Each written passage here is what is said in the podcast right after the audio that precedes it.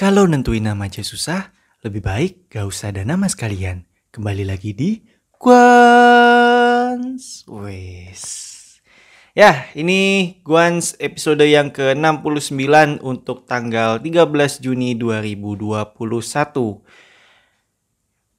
tanggal yang sangat random ya. aku juga nggak tahu tanggal 13 Juni itu hari memperingati apa enggak ya. Biasanya kan aku kalau misalnya bikin podcast gitu kan aku nguploadnya tuh pas tanggal-tanggal cantik gitu kan. Tapi ini 13 Juni mah apa gitu yang tanggal cantik apa nggak ada. Jadi ya ya udah aku asal ngupload aja gitu. Cari-cari tanggal random aja tanggal 13 kebetulan gitu ya.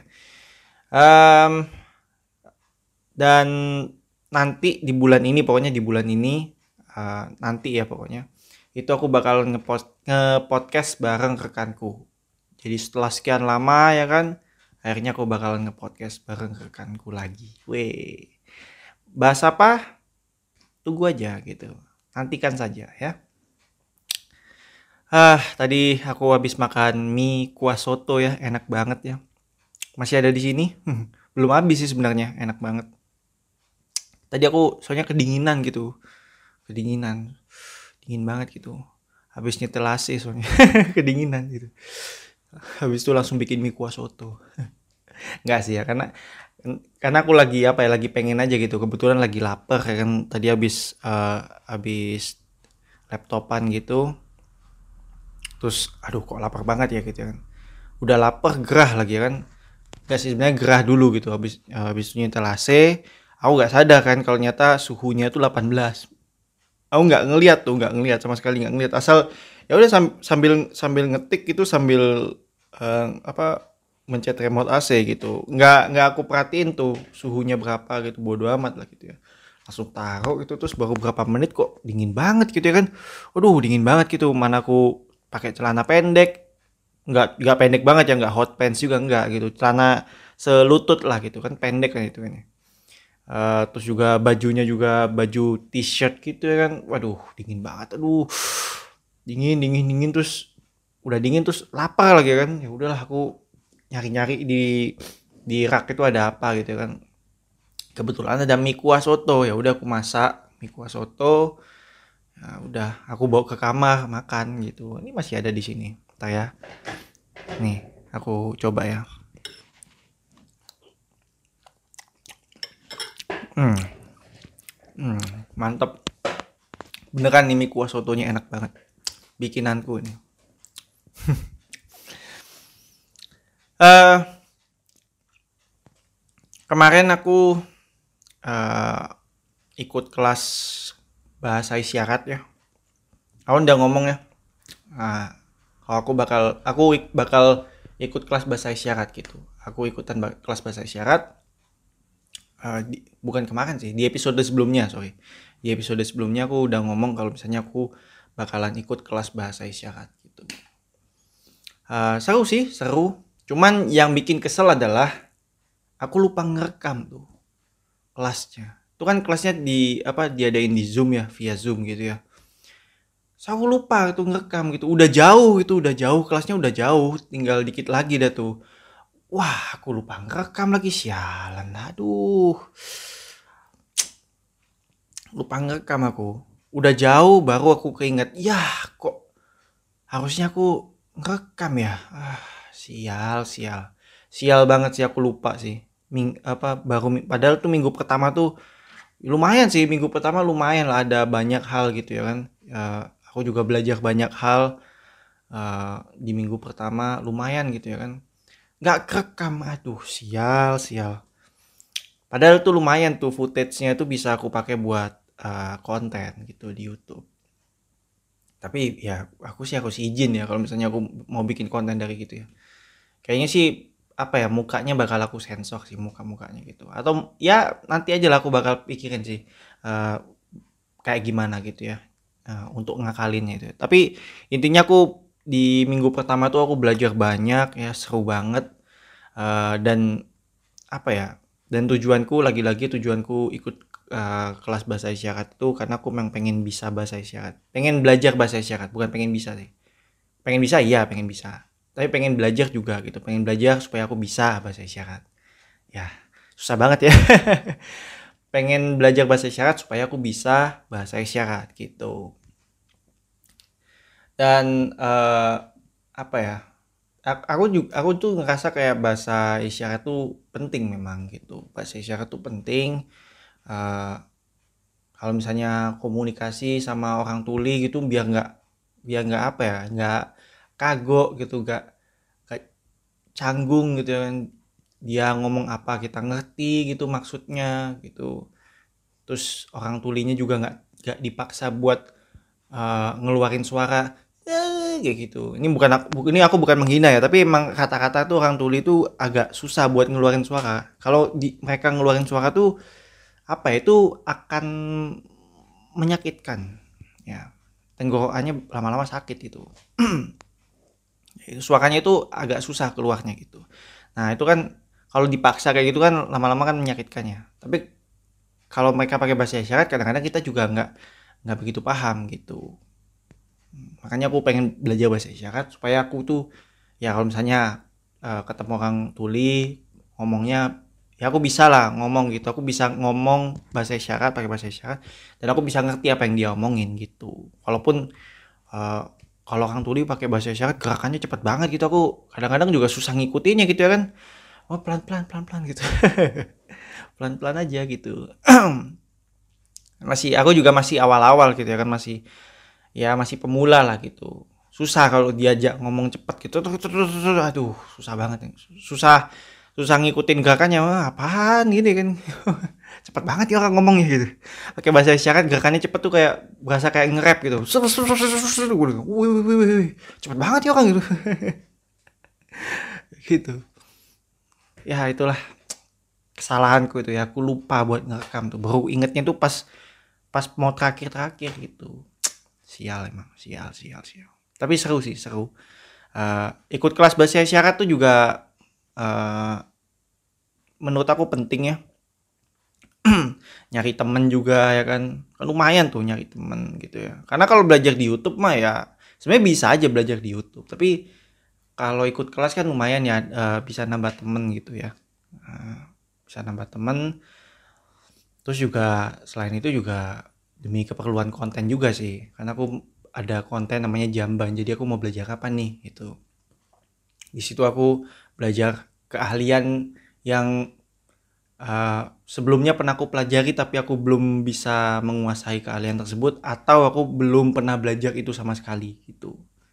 Nah bahasa syarat ini salah satu keahlian yang belum pernah aku pelajari gitu adalah aku bahasa isyarat adalah. Uh, aku punya bahasa isyarat andalanku sendiri. Tapi uh, apa ya bahasa isyarat yang kada ngawur lah.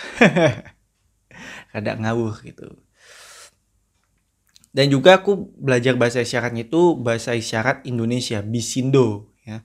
Bisindo itu beda sama CB ada Bisindo ada CB uh, CB itu sistem isyarat bahasa Indonesia CB yang aku pelajari itu Bisindo. Dan apa ya meskipun uh, ini keduanya itu sama-sama bahasa isyarat Indonesia Bisindo bahasa isyarat Indonesia CB itu sistem isyarat bahasa Indonesia tapi uh, keduanya ini punya perbedaan gitu ya. Dari bahasanya eh dari gerakannya itu beda gitu ya. Dari gerakannya itu beda kemudian uh, dari historinya itu pun juga beda gitu. Kalau Bisindo itu apa ya dibentuk oleh orang-orang tuli gitu ya teman-teman tuli. Sementara CB itu dibentuk oleh tem, uh, orang dengar ya. Orang istilahnya itu orang yang bisa dengar itu orang dengar namanya. Orang dengar. CB itu di, dibentuk oleh orang dengar. Dan CB ini uh, diadaptasi dari uh, ALS ya ALS American eh ASL sorry. ALS mah nama penyakit ya kan. ASL American Sign Language, bahasa isyarat uh, dari Amerika ya. American Sign Language sama British Sign Language itu beda gitu. Beda itu British Sign, British Sign Language sama American Sign Language itu beda. Uh, CB itu mengadaptasi uh, American Sign Language ya. Dan CB ini uh, apa ya sudah diresmikan oleh pemerintah dan diajarkan di beberapa SLB ya di Indonesia. Sementara Bisindo ini aku nggak tahu ya, kayaknya belum diakui deh.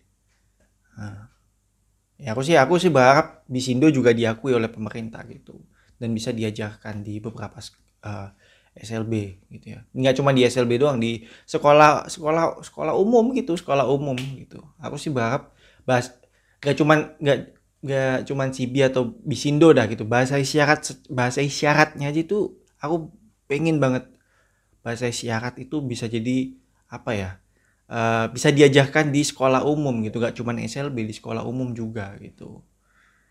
Kayak gitu sih. Bisa diajarkan di sekolah umum. Ya aku sih pengen banget gitu. Di ekstrakurikuler gitu. Minimal ekstrakurikuler lah jangan pelajaran wajib lah. Kalau pelajaran wajib kayak kalau pelajaran wajib tuh kayak bahasa Inggris itu kan pelajaran wajib ya kan di sekolah-sekolah umum gitu kan ya. Nah, jangan di level itu dulu dah. Di level ekstrakurikuler aja dulu gitu. Kan nggak semua orang kan uh, minat ya dengan uh, untuk mempelajari bahasa isyarat. Nggak semua orang minat. Ya taruh aja lah di ekstrakurikuler. Tapi di sekolah umum gitu. Aku sih berharap sih seperti itu. Tapi ya kalau enggak ya udahlah gitu. Apa boleh buat ya.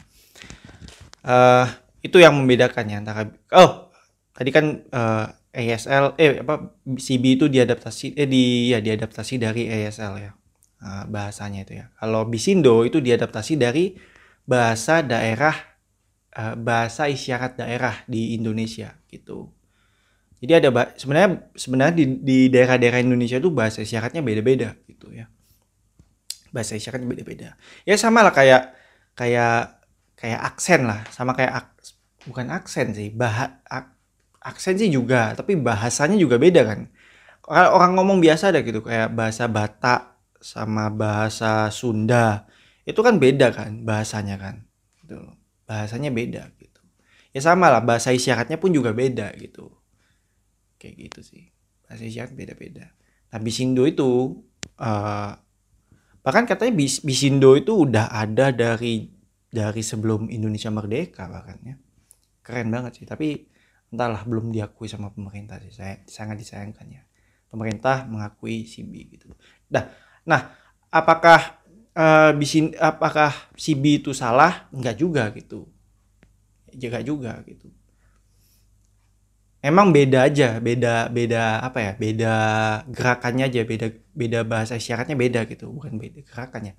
Beda bahasa bahasa isyaratnya beda gitu. CB dengan Bisindo tuh beda walaupun sama-sama bahasa Indonesia ya tapi beda aja gitu. Dan apakah itu salah? Enggak gitu. Berbeda belum tentu salah ya. Berbeda itu belum tentu salah. Ya cuman cuman beda doang gitu tapi nggak salah juga gitu. Nah yang aku pelajari itu yang Bisindo gitu karena aku soalnya kan apa ya soalnya aku aku nggak tahu yang CB kayak gimana Bisindo tuh kayak gimana aku nggak tahu ya. Aku pikir sama gitu antara CB mau eh baik CB maupun Bisindo tuh sama gitu ternyata beda gitu. Baik eh, CB itu terutama kalau misalnya belajar abjad ya CB itu pakai satu tangan tuh. Kalau Bisindo tuh pakai dua tangan kalau ab, uh, abjad itu kayak gitu. Bahasa isyaratnya pakai dua tangan gitu. Kayak gitu gitulah ya ya kalau kalian tertarik ya silakan lah pelajari lah. Cari-carilah video di YouTube gitu ya kan ada kok. Uh, belajar bahasa isyarat gitu. Entah kalau kalian kalian uh, apa uh, pengennya yang mana? Yang CB atau Bisindo ya terserah gitu ya. Nggak ada salahnya belajar. Salah satu di antara itu nggak ada salahnya gitu. Mau belajar dua-duanya juga silakan. Aku sih tertarik belajar dua-duanya ya uh, Bisindo CB gitu ya. Aku pengen belajar dua-duanya sih. Ya biar bisa aja gitu kalau misalnya belajar CB kan otomatis kalau misalnya aku aku sih nggak nggak nggak kepikiran mau ke Amerika ya. Nggak kalau misalnya aku ketemu orang Amerika lah misalnya gitu ya. Itu aku bisa lah gitu. Pakai CB itu aku bisa lah gitu. Kan uh, beberapa kosakatanya diadaptasi dari ASL kan American Sign Language gitu. Misalnya ketemu orang Amerika yang tuli itu bisa lah aku pakai CB gitu. Kalau misalnya ketemu orang Indonesia ya pakai Bisindo gitu. Ya walaupun bisa juga pakai CB tapi kan uh, kebanyakan belajarnya pakai uh, Bisindo gitu ya. Ya seperti itulah belajar bahasa isyarat ya. Um, ya seru lah pokoknya. Aku ikut kelas tuh seru banget. Ketemu teman-teman baru gitu ya kan ya. Uh, ketemu teman-teman baru. Walaupun uh, lewat zoom gitu ya. Uh, range usia yang ikut kelas itu saat kelasku itu uh, ya kelas yang aku datang itu range usianya 18 sampai 46 tahun. Ada yang paling tua tuh 46 tahun, yang paling muda 18 tahun. Nah, kalian tebak dah tuh usiaku berapa. Antara segitulah. Ya udah pastilah 47. aduh, aduh. Ya, um, habis itu mau bahas apa lagi aku ya? Oh ya, jadi uh, BTS Meal ya, BTS Meal. Uh, jadi BTS itu kerjasama sama McDonald ya.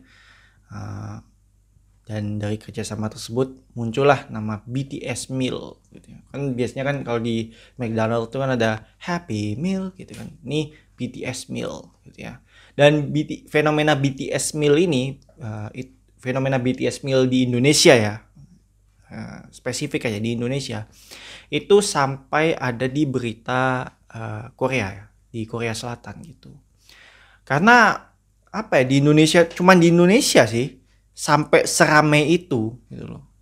Indonesia tuh serame itu gitu. Memang itu menunjukkan betapa antusiasnya fansnya BTS ya. Siapa nama fansnya BTS? ARMY.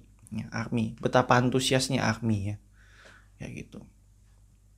Betapa antusiasnya ARMY. Walaupun memang mereka uh, kebanyakan uh, mesennya lewat Gojek ya. Karena kalau misalnya mereka antri langsung males juga ya. antri 2 sampai 3 jam gila loh, 2 sampai 3 jam gitu. Walaupun ada yang uh, yang dia tuh bisa mas apa beli BTS meal tanpa meng, me, tanpa harus menghadapi kemacetan gitu. Dia bi ada yang bisa tuh. Aku ngeliat di TikTok tuh ada tuh yang bisa tuh. Tapi itu di daerah mana itu pokoknya. Dan itu emang emang di tempat itu emang sepi gitu. Memang bener-bener sepi gitu. Nggak ada yang nggak ada yang lewat situ juga gitu. Mungkin nggak ada gojek yang bisa lewat situ kali ya. Kayak gitu sih. Nah, pokoknya di daerah-daerah tol-tol gitu terus ya udah akhirnya dia beli aja gitu. Dengan cepatnya gitu tanpa harus mengan tanpa harus berhadapan dengan abang-abang gojek ya. Tapi gila loh itu. Antrinya lumayan banget sih itu. Uh, aku sih ngelihatnya aja aku udah sumpek banget itu. Aku ngelihat aku tuh berada di antrian tuh aja sumpek gitu. Apalagi aku ngelihat itu. Nggak sorry. Aku aja uh, ngelihat uh, para gojek itu ngantri begitu tuh sumpek gitu. Apalagi harus ada di antrian itu gitu. lebih sumpek lagi gitu. Harus berada di antrian itu. Aduh. Tapi aku sih nggak nyalain arminya nggak ya. Mereka konsumen mereka berhak ya untuk beli uh, beli BTS meal. They can uh, they can do whatever they want uh, Gojeknya aku juga nggak nggak nyalain Gojek. Ngapain aku nyalain Gojek? Kan mereka kan apa ya uh, beli sesuatu sesuai pesanan ya kan? Sesuai pesanan dari uh, konsumen gitu. Konsumen beli apa diwakilkan via Gojek gitu. Ya aku nggak nyalain pihak ini ya pihak uh, ojek online ya aku nggak nyalain mereka gitu. Mereka ngelakuin tuh mereka karena pekerjaan mereka kan gitu loh ini nggak salah juga gitu. Itu tapi aku ih ngeri banget sih. Itu apalagi nih apalagi pandemi loh bro. Pandemi loh. Itu sih berpotensi sekali menciptakan klaster baru ya. Nggak lah bercanda bercanda. Tapi di di negara lain aja nggak segitunya masalahnya gitu loh. Cuman di Indonesia yang se segitunya. Bahkan di Korea Selatan sendiri tempat adanya BTS ya tempat lahirnya boyband BTS ini itu nggak segitunya itu loh. Nggak segitunya nggak se nggak segitunya kayak Indonesia nggak segitunya. Serius nggak segitunya. Itu Indonesia tuh yang paling wow. Kayak gitu sih. Ngeri sih aku sih ngelihatnya kayak wih ngeri banget gitu kan. Segitunya ya santusias itu loh army-army di Indonesia nih soalnya di negara lain nggak segitunya gitu tapi ya udahlah ya. dan apa ya uh, yang diincar sama Army kan ini kan ya uh, saus ka, saus kajun ya saus kajun saus kajun. Apa sih saus kajun tuh? Aku coba cari ya di Google ya. Sabar. Saus kaj apa sih? Saus kajun.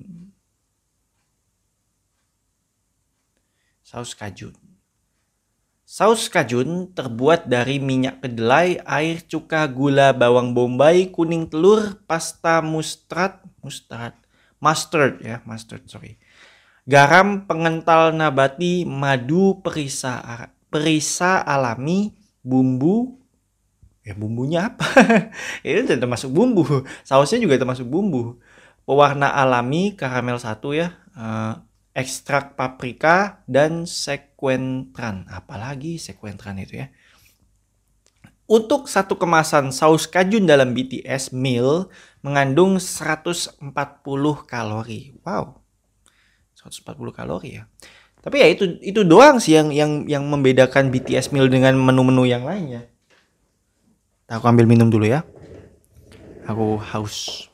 Karena uh, ya menu-menu lainnya nggak ada bedanya gitu.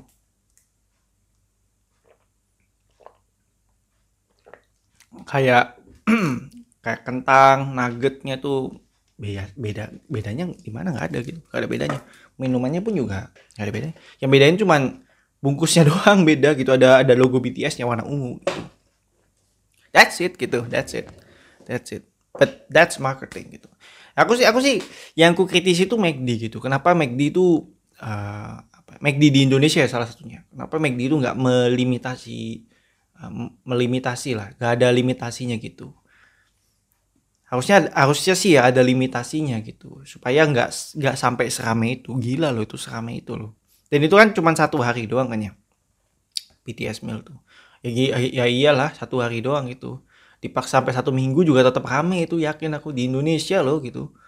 Mereka bisa aja mesen tiap hari tiap hari tiap hari gitu ya kan. Bisa aja gitu. Bisa aja. Satu minggu juga satu minggu dibelain rame juga. Satu bulan satu bulan rame gitu. Ya makanya cuma satu hari doang gitu. Dan ya begitulah.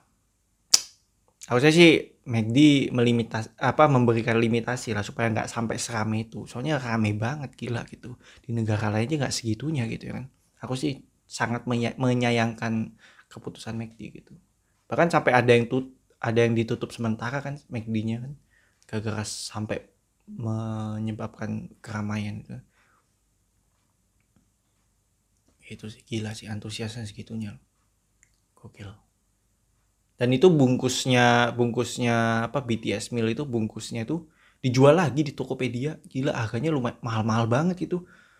Karena rare kan itu kan cuma sehari doang kan promo satu apa bukan promo ya itu apa ya uh, apa sih namanya kayak menu yang cuma ada satu hari doang gitu. Itu bungkusnya itu kan bungkusnya ada yang dicuci ada, aku pernah aku ada lihat tuh oh ya ada yang dicuci dijemur gitu terus dijual lagi ada di Tokopedia ada tuh ada yang 500 ribu ada yang berapa juta tuh. Bih gila banget gitu kan. Dan sepertinya ada yang beli juga deh. Aku juga nggak tahu ya.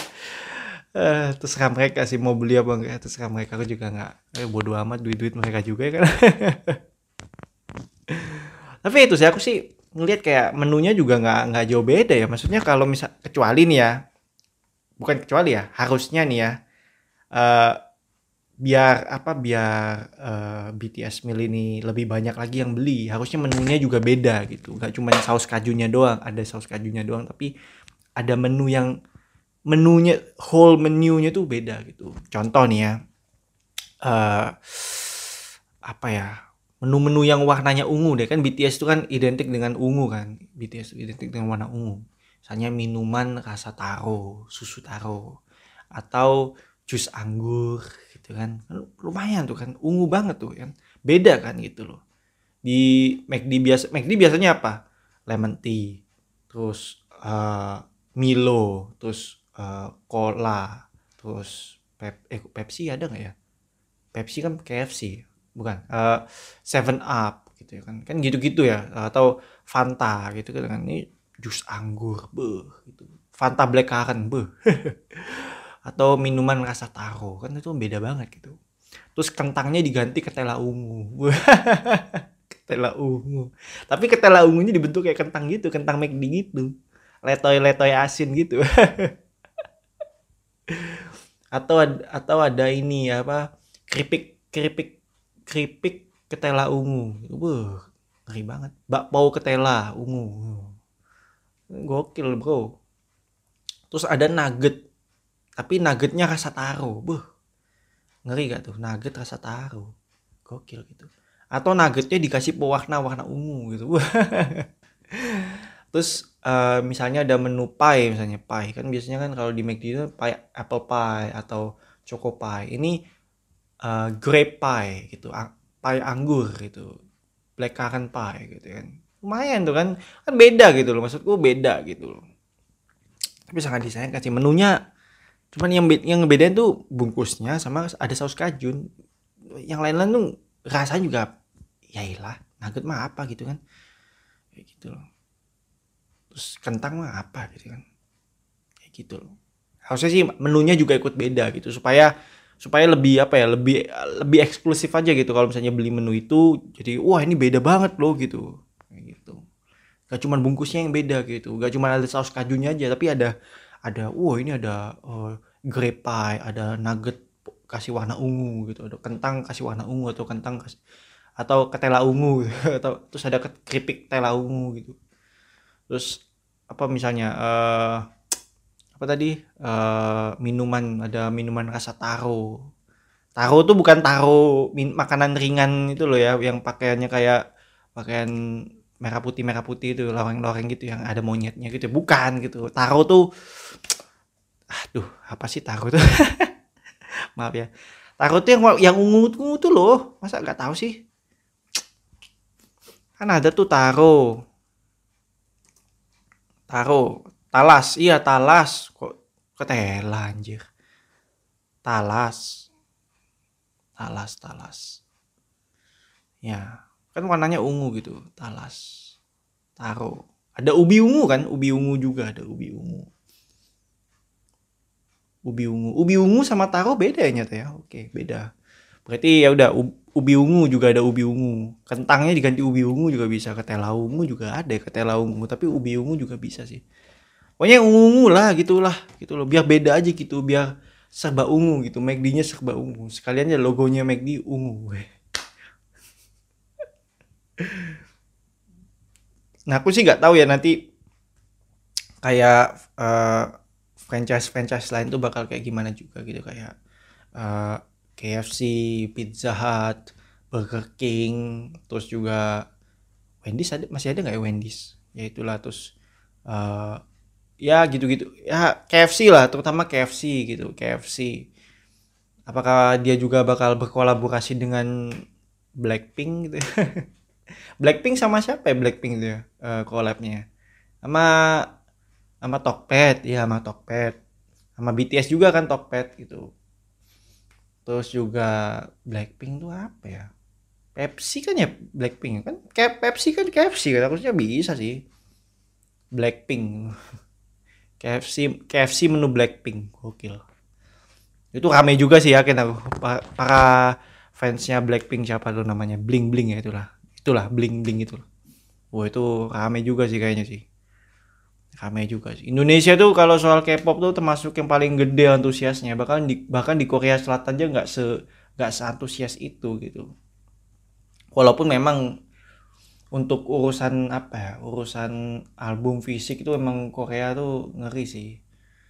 Tapi kalau kalau untuk antusiasnya secara keseluruhan sih Indonesia paling ngeri sih. Paling ngeri paling ngeri. Ngeri banget sih untuk urusan K-pop K-pop gitu ya begitulah ya. Aduh aduh. Saus kajun saus kajun. Aku pikir ka, saus kajun apa? Saus kajun kajun kan yang alat musiknya itu kan alat musik yang digebuk-gebuk dak dak dak gitu. Ah gitu lah ya. Ini aku nggak menghina BTS loh ya para army yang menonton kalau misalnya ada para army yang menonton uh, mau menonton sih kampret yang mendengar podcast ini ya. Uh, aku tidak menghina Armi ya santai aja ya. Kita kita aman-aman nih aman-aman aja nih ya gitu. Kalau mau nyalahin tuh eh kalau mau marah tuh jangan marah sama aku marah sama jering jering. Jering kan pernah pernah ini yang eh, pernah bercandain K-pop. Kan eh bercandain K-pop apa K-popers gak tau lah ya pokoknya itulah jering kan tapi jering udah bebas sih. Ya walaupun aku juga dari awal juga udah nggak setuju sih jaring di penjara ya. Kenapa jaring di penjara? Tapi ya ya udahlah ya aku tidak mau memprotes itu karena ya siapa aku ya. Bodoh amat. Ya lanjut um, ini ngomong apa nih aku ya? Oh ya uh, tadi tadi tadi pagi itu aku kok tadi siang? Tadi pagi itu aku uh, nonton tayangannya YouTube versus TikTok youtuber versus TikToker uh, tinju tinju youtuber versus TikToker. Uh, aku nontonnya ilegal lagi-lagi karena aku males bayarnya ya. Males bayar buat uh, buat males bayar buat nonton streamingnya itu males ya. Uh, untuk apa gitu ya. Emang males aja gitu aku. Mending nonton ilegalnya aja. Toh juga nanti juga highlightnya juga banyak kan ada di YouTube ya kan. Legal maupun ilegal loh ya. Legal maupun ilegal pasti ada lah gitu. Orang apa kayak saya Logan Paul aja banyak banyak yang beli di The Zone. Itu aja udah sekarang udah ada versi fullnya full fightnya udah ada. Udah ngapain beli, ngapain bayar buat itu buat non apa nonton streamingnya kalau misalnya udah ada ya kan? Ya nggak nggak perlu juga sih.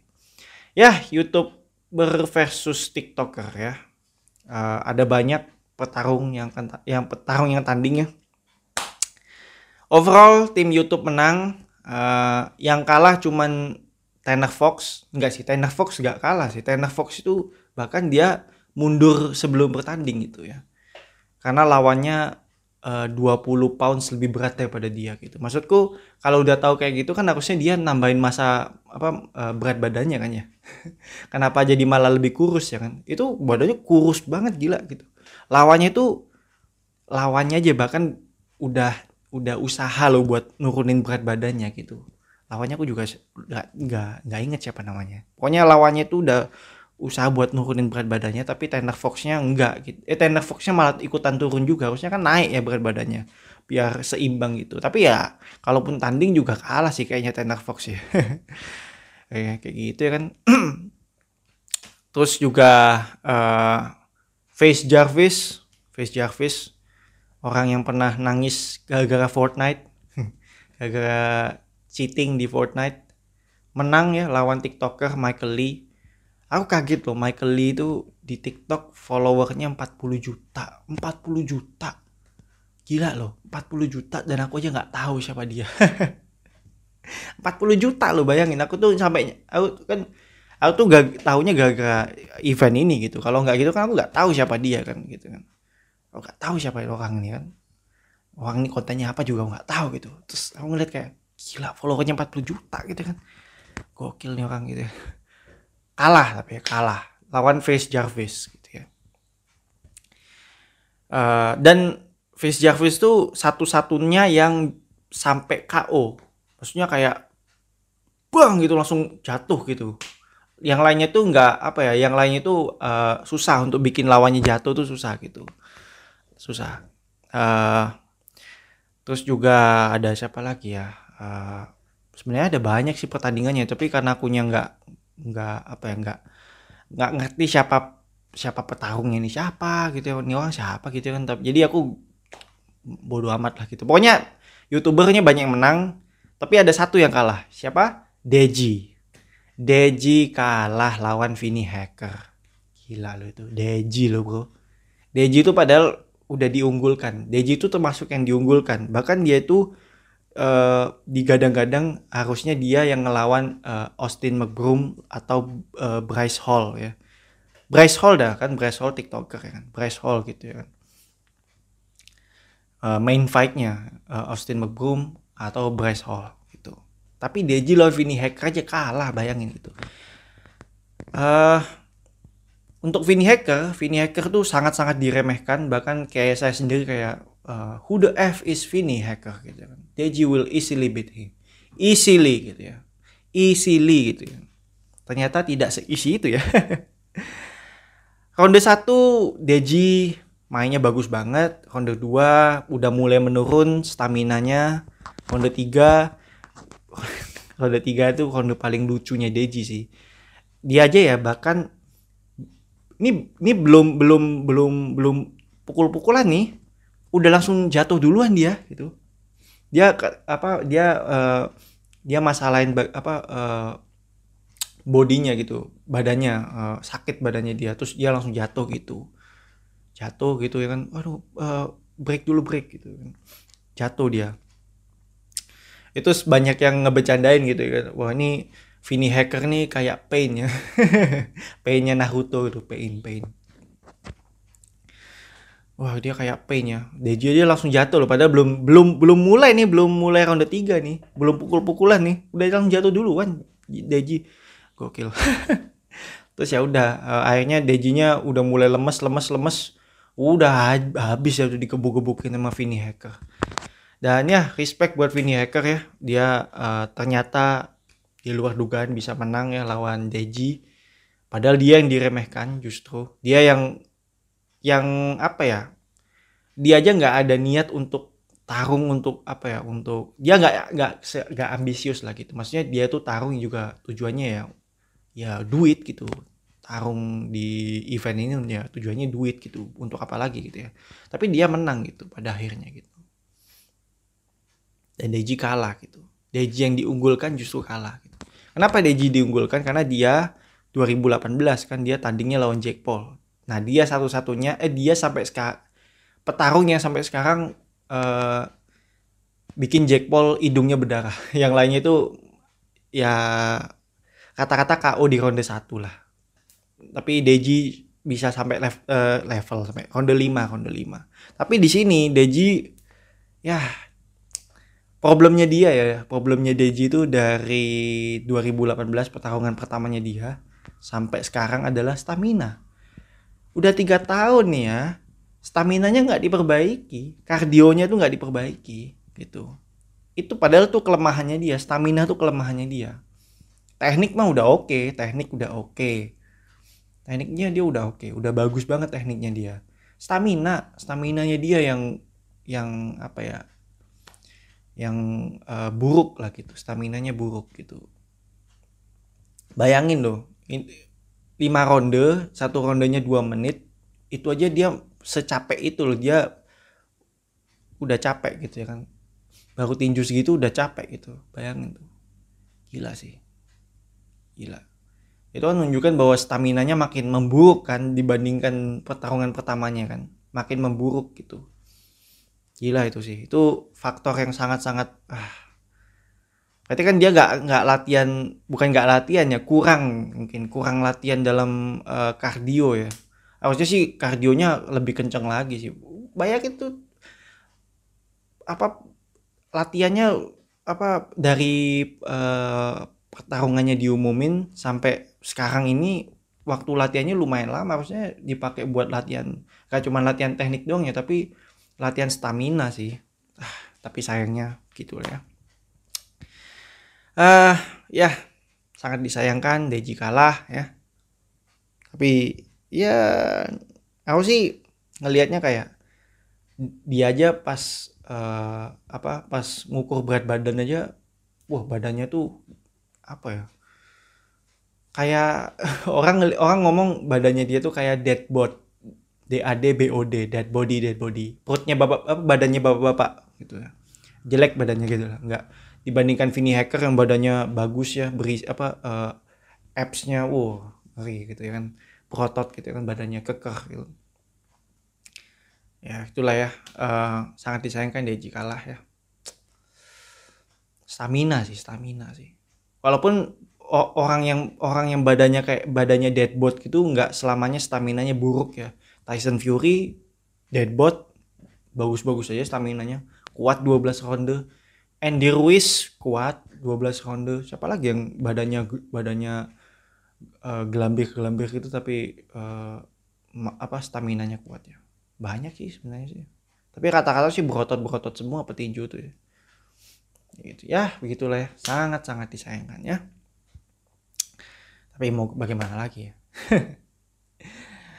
uh, habis itu ada lagi uh, Gabe ya Uh, tapi sebelum Gip, ini Gip soalnya kadang-kadang kontroversial.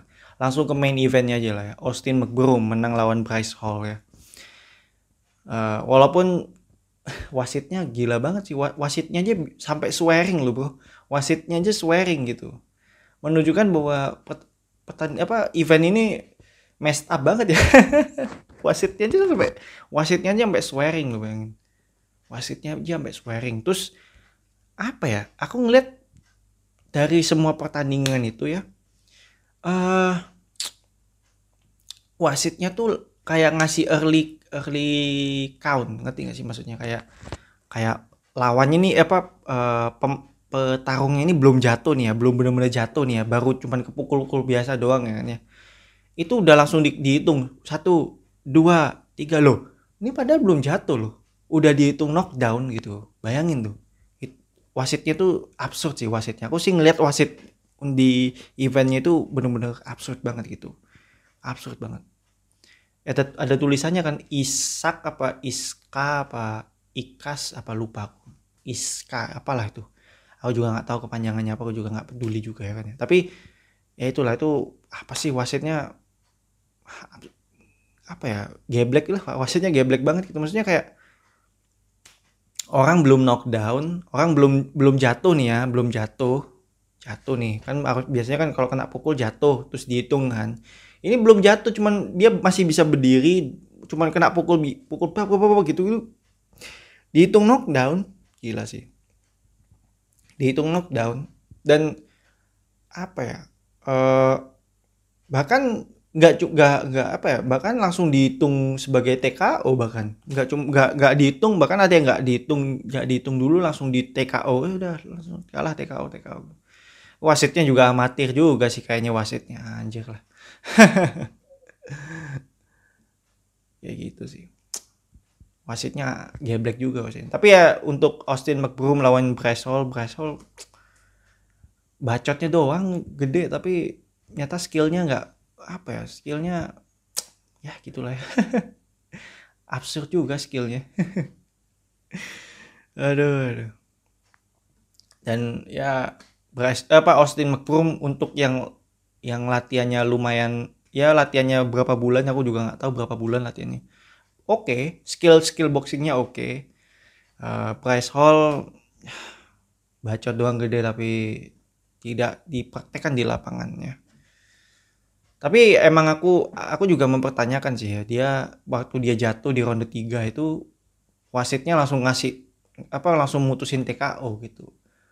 Mutusin TKO padahal dia kan jatuhnya karena didorong kan bukan karena jatuh karena kena pukul kan tapi karena dia kayak kan, apa didorong gitu lama Austin McBroom harusnya sih nggak dihitung nggak dihitung knockdown bahkan itu nggak dihitung knockdown gitu loh ya gitu sih. Emang ada nggak tahu ya event event tadi event barusan yang yang ku tonton tuh wasitnya kadang-kadang geblek ya. Tapi emang Bryce Hall sih emang kalaupun dia nggak nggak nggak wasitnya absurd juga kalah sih tepan juga ya. Soalnya emang emang aneh aja gitu emang emang apa ya emang dia ini sih ya ngeblocking pukulannya itu pakai wajah ya harusnya kan pakai tangan ya. Tapi emang sih ya wasitnya emang absurd banget sih wasit di event tuh absurd banget. Aneh banget lah aneh aneh aneh. Aneh. Geblek lah wasitnya itu. Aduh ngeri sih ya. Kalau siapa pun yang punya wasit kayak gitu sih emang harus mainnya harus bagus banget gitu. Kalau misalnya mainnya jelek-jelek itu wah udah udah bisa aja dihitung TKO sih yakin. Padahal belum jatuh nih udah dihitung TKO aja pasti deh tuh. Nah, itu uh, tapi TKO juga meskipun meskipun petarungnya belum jatuh tapi kalau misalnya uh, dari dari timnya itu ya yang cornernya itu udah ngelempar handuk itu udah bisa dihitung TKO sih sebenarnya gitu. Itu ya aturan TKO tuh kayak gitu. Tapi nggak tahu sih aku nggak ngelihat ada yang ngelempar handuk tetap aja dihitung TKO aneh banget sih. Geblek ya wasitnya juga. Geblek banget wasitnya. Nah untuk yang Gabe Anison Anison Gabe lawan Taylor Holder ya. Kenapa aku bilang kontroversial draw karena harusnya Gabe yang menang ya harusnya Gabe yang menang itu Gabe dominate all rounds ya dari ronde 1 sampai ronde 5 Gabe menguasai jalannya pertandingan dan performanya Gip tuh lebih baik ya daripada ketika dia lawan Jack Paul ya. Jack waktu dia lawan Jack Paul tuh stance-nya dia kayak kepiting gitu. Jalannya kayak kepiting, serius kayak kepiting. Jongkok-jongkok gitu jalan ngeri banget gitu ya kan. Itu kan apa ya? Stance kayak gitu itu kan emang apa ya? Emang ngeri ya. Itu bisa bikin lawan eh bisa bikin uh, petarung jadi nggak seimbang gitu ya kan misalnya dia mau apa mau ngindarin pukulan kan wih langsung tiba-tiba jatuh gitu kan bisa dihitung knockdown gitu ya kan padahal cuma ngindarin pukulan doang gitu jatuh gitu kan form apa formnya dia saat bet apa uh, stance-nya dia saat bertarung juga kakinya juga jelek banget waktu lawan Jack Paul. Tapi waktu lawan Taylor Holder wih ngeri banget sih. Gila sih. Taylor Holder yang diunggulkannya ini Taylor Holder yang diunggulkan nih. Ternyata ya mainnya pasif ya. Uh, Anison Gibb emang emang emang stamina nya emang oke okay sih beda sama Deji sih. Emang Anison Gibb tuh karena apa ya pelatihnya pelatih kardionya kan pelat sama dengan pelatih kardionya KS kan? Makanya stamina nya oke okay sih stamina nya oke okay banget. Soalnya pelatih kardionya gila banget sih pelatih kardionya itu. Keras banget ngelatihnya itu. Uh muntah-muntah kali itu kalau udah latihan sama dia gitu. Fisiknya tuh emang harus di harus apa ya latihan fisiknya emang harus keras banget gitu. Latihan kardio gitu wih makanya itu sih uh, kardio tuh penting sih terutama untuk yang untuk apa ya untuk pertandingan tinju yang lumayan panjang ya. Kalau later rounds karena later roundsnya tuh pasti ini sih late late gamenya tuh pasti bakal ngaruh banget gitu seberapa kuat dia tanding gitu sih. Kalau late gamenya udah capek gitu ya kan kayak karena McGregor itu waktu lawan Mayweather McGregor tuh baru ronde berapa udah capek gitu kan. Karena dia kardionya kurang gitu kurang latihan kardio gitu. Untuk tinju tuh kardionya harus ekstra sih latihan kardionya gitu. Apalagi yang tinju 12 ronde buh tuh kardionya kalau misalnya nggak dilatih bener-bener sih udah capek sih baru beberapa ronde capek sih. Letoy gitu. gitu sih. Emang kardionya Gip bagus banget cuman waktu lawan Jack Paul karena dia apa TKO di ronde satu jadi ya nggak apa belum kebukti. Dan di Taylor Holder waktu lawan Taylor Holder jelas banget sih kardionya berperan penting sih. Berperan penting banget gitu. Defense-nya juga bagus defense-nya stance-nya juga bagus uh, uh, footwork-nya bagus. Uh, tapi sayangnya tidak di dia dianggap draw gitu ya. Kenapa aku bilang kontroversial draw? Karena jurinya bahkan jurinya tuh scorecardnya itu adalah 50-46 50-46 nih 50-46 tuh aneh harusnya 50-45 kan ya ini 50 46. Berarti kan ada yang imbang nih, ada yang 10 10 kan berarti. Aneh banget juri yang ini. Terus 49 46 49 46. Drawnya di mana? Dia kan uh, dia kan uh, keputusan was ke, keputusan juri majority draw. Majority draw itu kalau misalnya dua wasit ngasih nilai imbang. Satu wasit ngasih nilai menang ke salah satu petarung gitu ini kan tiga-tiganya nggak ada yang imbang nih. Harusnya kan udah ditentuin pemenangnya gitu. Harusnya sih bisa appeal si Gibbs ya. Bisa appeal gitu. Pemenangnya siapa gitu. Harusnya ada appealnya gitu. Tapi nyata nggak nggak nggak ada appealnya gitu. Sayangnya gitu. Bahkan uh, pihak Social Gloves as a promotor itu nge-tweet Taylor Holder yang menang sebelum pertandingan Taylor Holder lawan Gibb. Berarti kan kayak pas pertandingannya pertandingan ini udah disetting kan ya. Pertandingan ini udah disetting supaya Taylor Holder yang menang gitu. Gitu. Nyata Gibb yang performanya bagus jadi dikasih draw gitu. Harusnya tuh Taylor Holder yang menang gitu. Berarti kan ini udah kayak WWE gitu. pertandingannya udah disetting siapa yang menang. Anjir lah.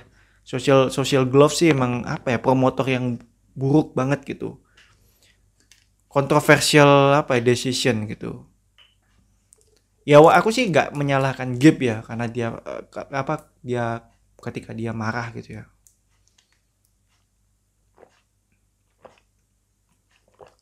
Tapi tapi ya ya itu sih. Memang keputusannya memang sangat-sangat disayangkan sih dari pihak juri ya. Juri itu yang aku sangat sayangkan. Tapi emang emang tarungnya Gibbs sih all in all bagus sih. Bagus banget gila. Bagus banget. Taylor Holder tuh lebih lebih apa ya lebih banyak protek ke mukanya gitu.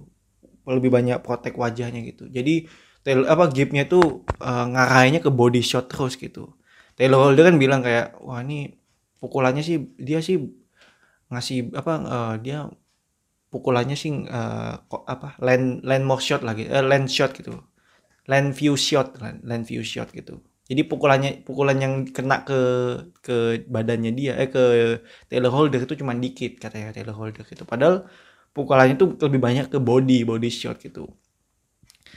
Dan ya menurut si Taylor Holder pukulan pukulannya Gib gak ada yang sakit. Memang sih gak ada yang memang sih pukulannya itu nggak menyakitkan ya. Tapi kalau kena body shot terus sih lama kelamaan capek gitu. Damage-nya tuh ke, ke stamina gitu. Body shot tuh uh, ngefeknya tuh ke stamina gitu. Sering kena body shot tuh lama-lama stamina tuh bakal habis gitu capek bakal capek. Apalagi kalau pukulan body shotnya keras oh bisa langsung straight up KO straight up KO gitu. Kalau pukulan wajah sih ya paling mukanya bonyok gitu. Tapi kalau pukulan badan tuh apa ya bisa bikin capek gitu.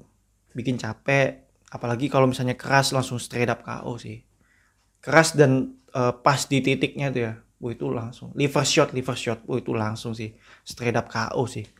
KO udah. Sip. Atau yang ngomong bingung mau ngomong zip. Tapi itu sih social gloves. Ah sangat disayangkannya social gloves.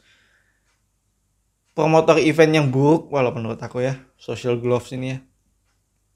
The zone lebih baik ya dan aku sih berharap uh, Gip rematch lawan uh, Taylor Holder karena Gipnya nggak terima. Tapi nggak dipromotorin sama social gloves lah pastinya. Kalau misalnya dipromotor sama social gloves ya sama aja kan. Busuk-busuk juga gitu. Eh, wasitnya aja busuk jurinya juga busuk. Ya sama aja gitu ya gitu. Ya seperti itu lah oh ya by the way aku lupa ngasih tau kalau misalnya kalian nggak apa nggak ngerti apa yang ngomongin barusan. Tadi itu aku ngomongin tentang pertandingan tinju antara tiktoker lawan youtuber. Overall youtuber tim YouTube yang menang uh, tim TikTok yang menang cuman Vini Hacker. Yang lainnya kalah. Ya. Taylor Holder aku anggap kalah ya. Aku nggak nggak. Aku sih aku aku sih jelas lah itu Gip yang menang sih asli itu Gip yang menang sih. Uh, anonymous decision sih jelas itu anonymous decision. Anonymous decision anonymous decision itu kalau misalnya tiga juri ngasih skor yang skor tinggi sama uh, salah satu petarung gitu. Tiga tiganya itu ya. Kalau majority decision itu dua juri ngasih uh, nilai lebih sama uh, satu petarung satu juri ngasih skor draw. Itu majority. Kalau split decision dua juri ngasih skor lebih ke petarung satu satu juri ngasih uh, poin lebih ke petarung yang lainnya gitu itu split decision kayak gitu ya anjir aku pengetahuan boxingku lumayan ya tapi kalau misalnya aku ditanya ya apakah aku akan uh, kalau misalnya aku dikasih kesempatan apakah aku bakal tanding tinju jawabannya adalah enggak Jawabannya adalah enggak. No. Apakah aku akan ikut apa ikut pertandingan tinju gitu? No, jawabannya no. No. Banyak aspek yang aku tuh sangat-sangat kurang gitu. Dan belajar satu bulan, belajar satu bulan, tiga bulan, empat bulan tuh kurang kalau menurut saya. Setahun lah, setahun aja kurang setahun. Itu dedikasinya harus harus tinggi sih, setahun gitu ya, gila. Setahun full latihan boxing itu tuh kalau setahun sih lumayan ya ada perkembangan tapi kalau beberapa bulan apalagi cuma seminggu dua minggu doang mah kurang sih ya. Kurang banget sih. Itu apa ya? Kecuali kayak Mike Tyson gitu Mike Tyson kan dulu zaman zamannya dia masih muda gitu kan dia tarung tuh sebulan bisa berapa kali tuh sebulan tuh? Seminggu aja bisa dua kali seminggu dua kali loh tarung tinju seminggu dua kali. Dan bisa koin lawannya gila sih emang Mike Tyson sih. Gitu sih tapi ya kalau aku sih jelas ya no jelas no. Sangat sangat no. No banyak aspek yang aku kurang sih. Tinju tuh tinju tuh nggak cuman mukul-mukul doang. Tinju tuh basically ya lu siap mukul dan lu siap dipukul gitu aja. Lu siap nerima pukulan gitu. Kalau lu cuman siap mukul doang tapi lu nggak siap nerima pukulan ya jangan jadi petinju gitu. Gak usah jadi petinju gitu. Karena tinju tuh ya mau nggak mau ya harus siap kena pukulan sama kayak jadi stand up comedian lah.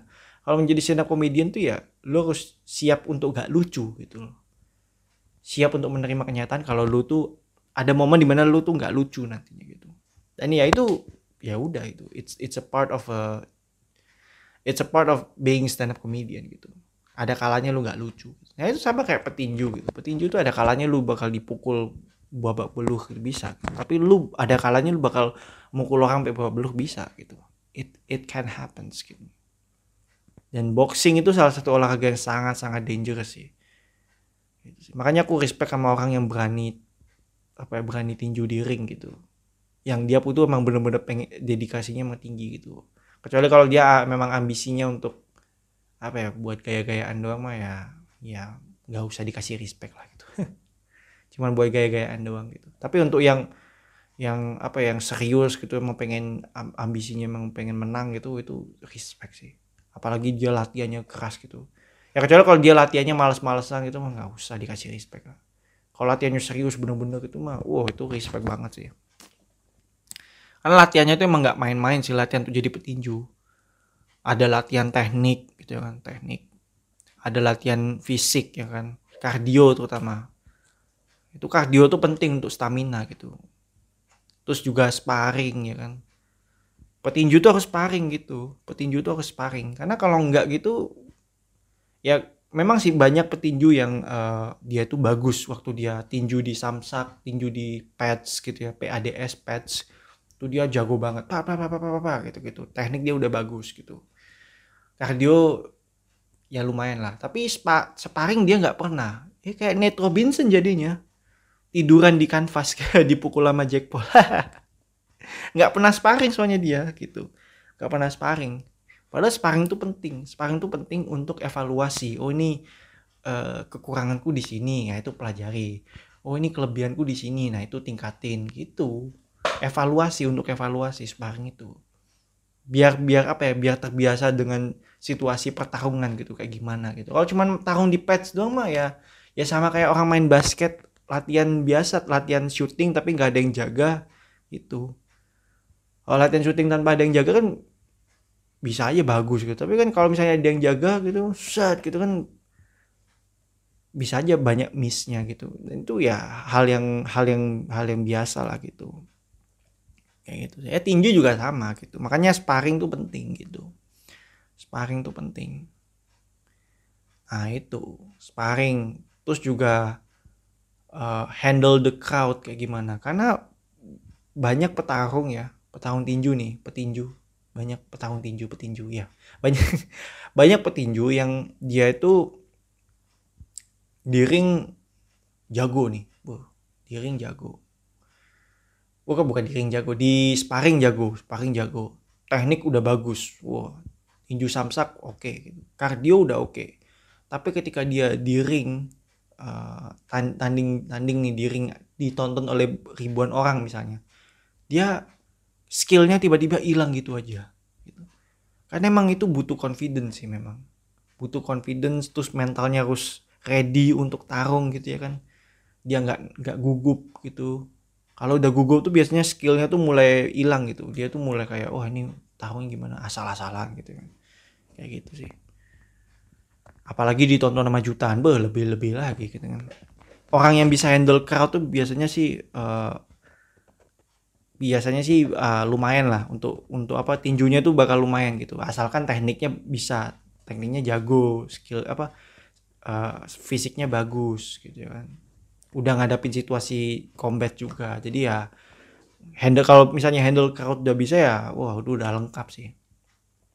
Bahkan Mayweather aja ya kenapa kenapa Mayweather tuh dijuluki sebagai uh, apa kenapa Mayweather tuh stamina nya tuh gila ya? Karena uh, dia aja sparringnya aja ya.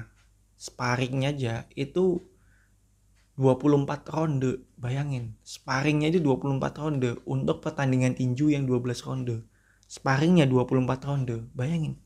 Gila tuh stamina-nya se sengeri itu. Latihannya aja sengeri itu loh latihan fisiknya juga ngeri gitu. Makanya meskipun usianya 40 lebih pun masih oke okay sih. Stamina-nya oke. Okay. Itu waktu lawan Logan Paul aja itu diterusin sampai 12 ronde sih masih oke okay stamina-nya. Masih oke okay, nggak capek gitu. Justru Logan Paul yang suspek ini stamina-nya gitu. Suspek banget. Tapi emang Logan Paul sih aneh banget ya. Lawannya welterweight. Kelasnya di bawahnya dia jauh gitu loh harusnya cari lawannya tuh yang setaranya dia lah. Kan dia kan cruiserweight. Ya walaupun berat badannya naik dikit aja tuh heavyweight deh tuh.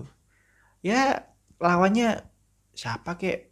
Kalau misalnya mau cari lawan yang pensiunan ya kan dia kan nggak nggak bisa kalau misalnya cari lawan yang yang lagi jago-jagonya tuh kayak uh, misalnya siapa? Tyson Fury lah misalnya. Tyson Fury dia tuh. Uh, udah habis sih kalau lawan Tyson Fury. Ini dia lawan lawan Evander Holyfield. Nah, itu kan tua kan itu kan.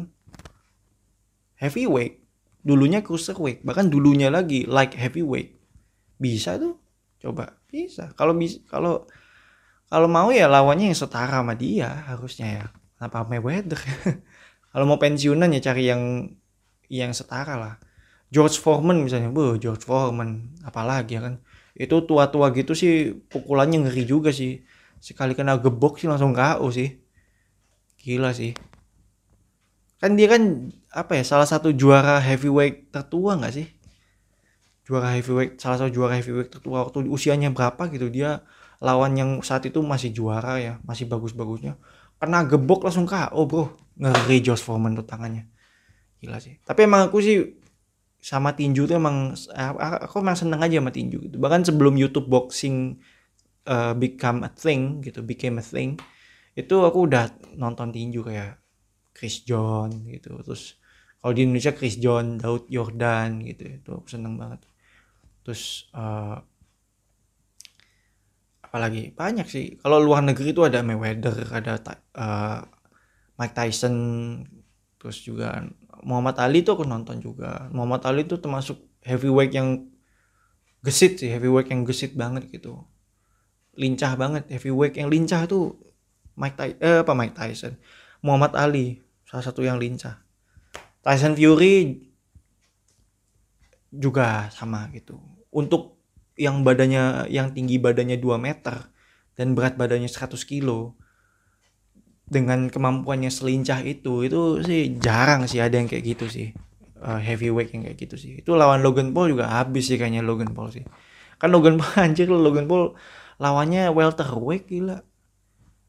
Terus orang berharap seorang welterweight bisa bikin KO cruiserweight ya susah lah. Susah lah. Logan Paul. Dua-duanya aja pasif kok. Pasif fighter. Gimana bisa KO ya kan? Aneh banget manusia-manusia ini. Ya gitulah ya. Uh, ngomongin apa lagi? Oh ya by the way uh, film-film Visinema ya. Wih aku udah ngeliat tuh film-film Visinema banyak banget yang keren bro. Nah, aku coba cari ya. Film Visinema Visinema Week. Ada filmnya Rian Adriandi kan? Uh, uh, yang judulnya apa tuh? Jumbo Jumbo. Film animasi. Oh ngeri sih. Aku sih bih bih bih, bih. Visinema Week. Hmm. nah inilah 15 judul film yang bakal tayang. Ya aku tonton eh, aku tonton. Aku lihat dulu ya apa ya. Ada Ben dan Jody. Ben dan Jody ini uh, karakternya filosofi kopi ya. Tapi nanti uh, genrenya eh genrenya itu action bro. Uh, Ben dan Jody. Bukan jadi bukan lagi ini bukan lagi filosofi kopi tiga ya bukan. Ini Ben dan Jody doang gitu gitu. Film action terus ada Nusa film Nusa. Uh, aku pernah nonton animasinya keren banget animasi Nusa nih. Uh, sangat bagus untuk ditonton semua usia.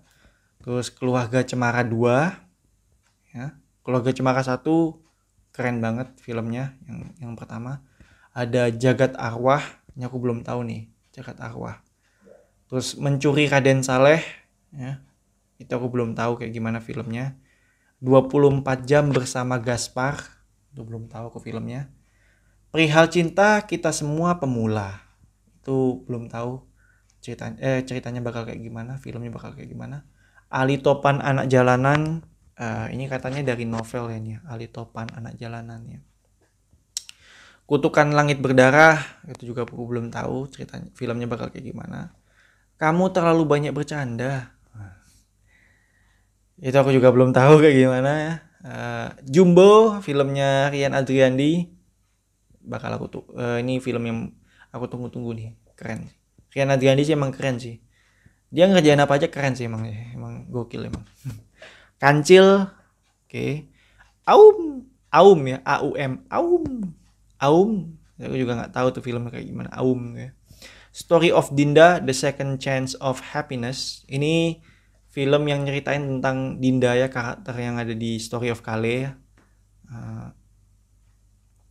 kayaknya ini sih kayaknya nyeritain uh, setelah dia putus sama Kale ya uh, itu dan Arini by Love Inc. Ya Arini by Arini itu karakter yang ada di Love for Sale.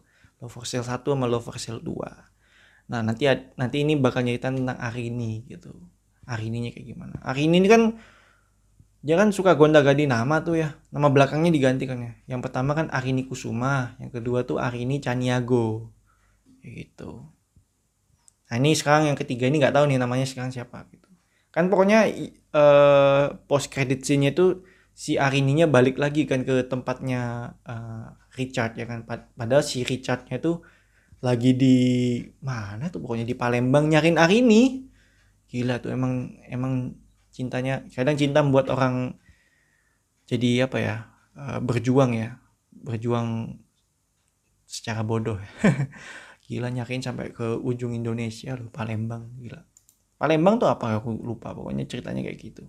Ya yang jelas aku bakal tonton itu film-filmnya uh, dan tidak akan aku bajak ya karena uh, pembajakan tuh tidak boleh sosokan ngomong tidak boleh pembajakan padahal aku nonton kayak apa nonton pertandingan tinju aja bajakan. Gila ilegal. Ya, tapi gimana jelek sih pertandingan biasa aja pertandingan tinjunya. Ya aku nonton highlightnya doang gitu kan. Ngapain? Tapi kalau film aku bakal nonton sih bakal beli lah beli beli apa? Beli di tiketnya lah di bioskop gitu. Bakal aku bakal nonton bioskop pasti. Bakal nonton bioskop gitu. Aku nggak bakal ngebajak sih. Orang yang ngebajak aja ngebajak film Visinema aja di penjara bro. Ngeri banget bro. Angga Angga Sasongko perjuangannya keren sih untuk memberantas pembajakan. Salut salut salut salut. Gila loh itu. Film apa ya waktu itu yang dibajak ya? Oh iya keluarga cemara. Ya aku aku pernah bikin episodenya kalau nggak salah di berita podcast pendek-pendek aku bacain beritanya itu uh, Angga Sasongko itu apa Visinema dan pembajak filmnya Visinema gitu. Angga Sasongko tuh perwakilan dari Visinemanya saat itu. Keren sih emang. Salut sama Angga Sasongko memberantas pembajakan. Uh, habis itu apa lagi ya? Jadi oh ya. Uh, ngomongin sinetron ya, ya. Enaknya ngomongin sinetron aja tapi aku males sih ngomongin sinetron yang uh, Zahra Zahra itu yang yang apa yang karakternya usia 14 tahun itu.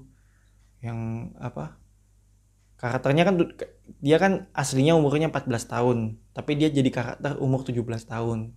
Kawin nama eh jadi istrinya istri ketiga dari seorang pria berusia di karakternya usianya 40-an 30-an aku juga nggak tahu. Aku juga nggak nonton. Uh, cuman karena rame aja di internet terus uh, apa kayak di in, apa sinetron ini kayak mengglorifying poligami. Tapi masyarakatnya nggak setuju juga karena tokoh apa castingnya itu uh, aktrisnya itu aktris uh, aktrisnya yang meranin Zahra itu si Lea kalau nggak salah namanya. Itu usianya 14 tahun gitu. Berperan di film seperti itu itu banyak nggak setuju Nah, sama pihak eh, pihak produsernya diganti, pemeran Sarahnya diganti. Eh, pokoknya pokoknya pemeran Sarahnya diganti gitu ya. Kayak seolah-olah itu gini. Emang kampret sih. Kayak seolah-olah itu netizennya yang salah karena matiin rezekinya si Zahra gitu. Padahal netizen tuh gak nyalain Zahra, netizen tuh nyalain sinetronnya. Kenapa sinetron itu sayang gitu netizen tuh pengennya sinetronnya di shutdown gitu aja padahal nge-shutdown sinetron tuh nggak segampang itu. Nge-shutdown sinetron nggak segampang itu. Terus kan aku kan pernah baca ya di uh, kom di komentar dia ada yang bilang kayak gini ya ilah netizen ribet amat ya kan Ting kalau nggak suka ya udah nggak usah ditonton toh nanti juga sinetronnya bakal berhenti. Ya nggak bakal berhenti lah gimana gitu masalahnya yang suka sinetron tuh banyak makanya sinetron tuh ada terus. Nah netizen tuh mengeluhkan itu jadi ya pengennya di shutdown gitu. Tapi emang banyak sih yang yang suka sama sinetron yang Zara Zara itu. Bahkan ada yang kayak wah ini aku uh, apanya aku pengen tuh di di madu sama si uh, Pak siapa itu namanya yang suaminya yang prianya itu. Aku pengen deh di madu sama sugar daddy gitu ya kan. Pengen jadi simpanannya sugar daddy. Ah, anjir nih orang ya kan ngomongnya gimana? Aku gak tau sih kayaknya ngetrol lah I don't know but kalau emang dia serius yang aneh juga ya. Kenapa mau dimadu sugar daddy anjir? Mau jadi simpanannya sugar daddy simpanannya om om sialan netizen aneh banget ya netizen Indonesia tuh. Tapi gitu sih uh, jadi pokoknya karakternya diganti uh, karakter Zahranya itu diganti.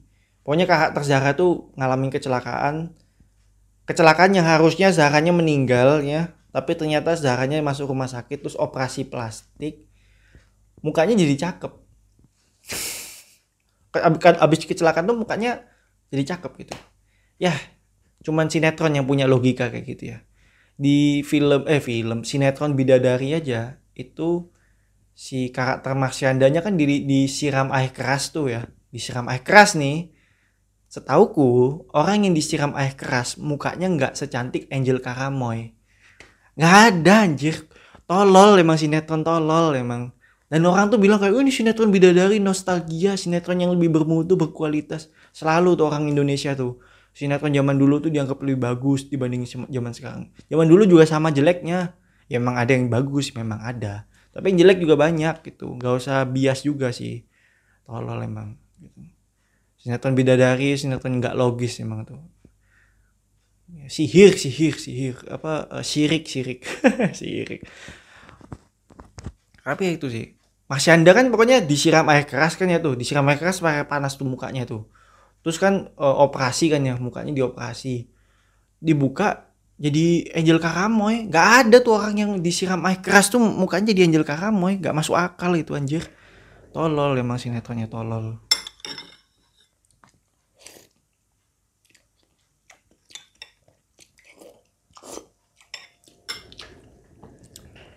itu antara penulisnya yang kopla atau sorry aku tadi habis makan lapar. Atau produsernya produser yang tolol. Kayak gitu produser bidadari. Ya aku sih bebas yang ngomong kayak gini ya karena ya emang nyatanya kayak gitu. Coba dilogisin aja deh.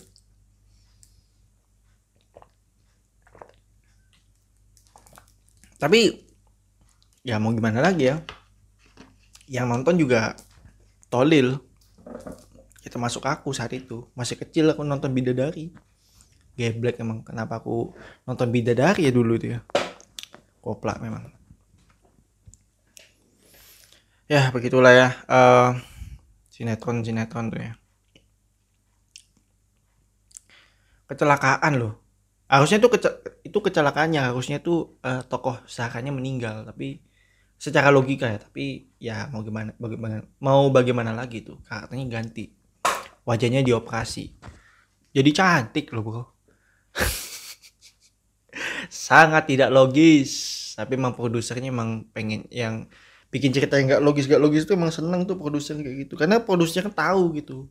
Meskipun bikin cerita goblok-goblok kan penonton juga goblok juga mau nonton gitu. Banyak yang nonton penonton bego-bego juga. Jadi ya mau gimana? Mau gimana lagi kan? Penonton yang yang pintar-pintar nggak akan nonton begituan ngapain ya kan? Aduh aduh. Kayak gitu sih.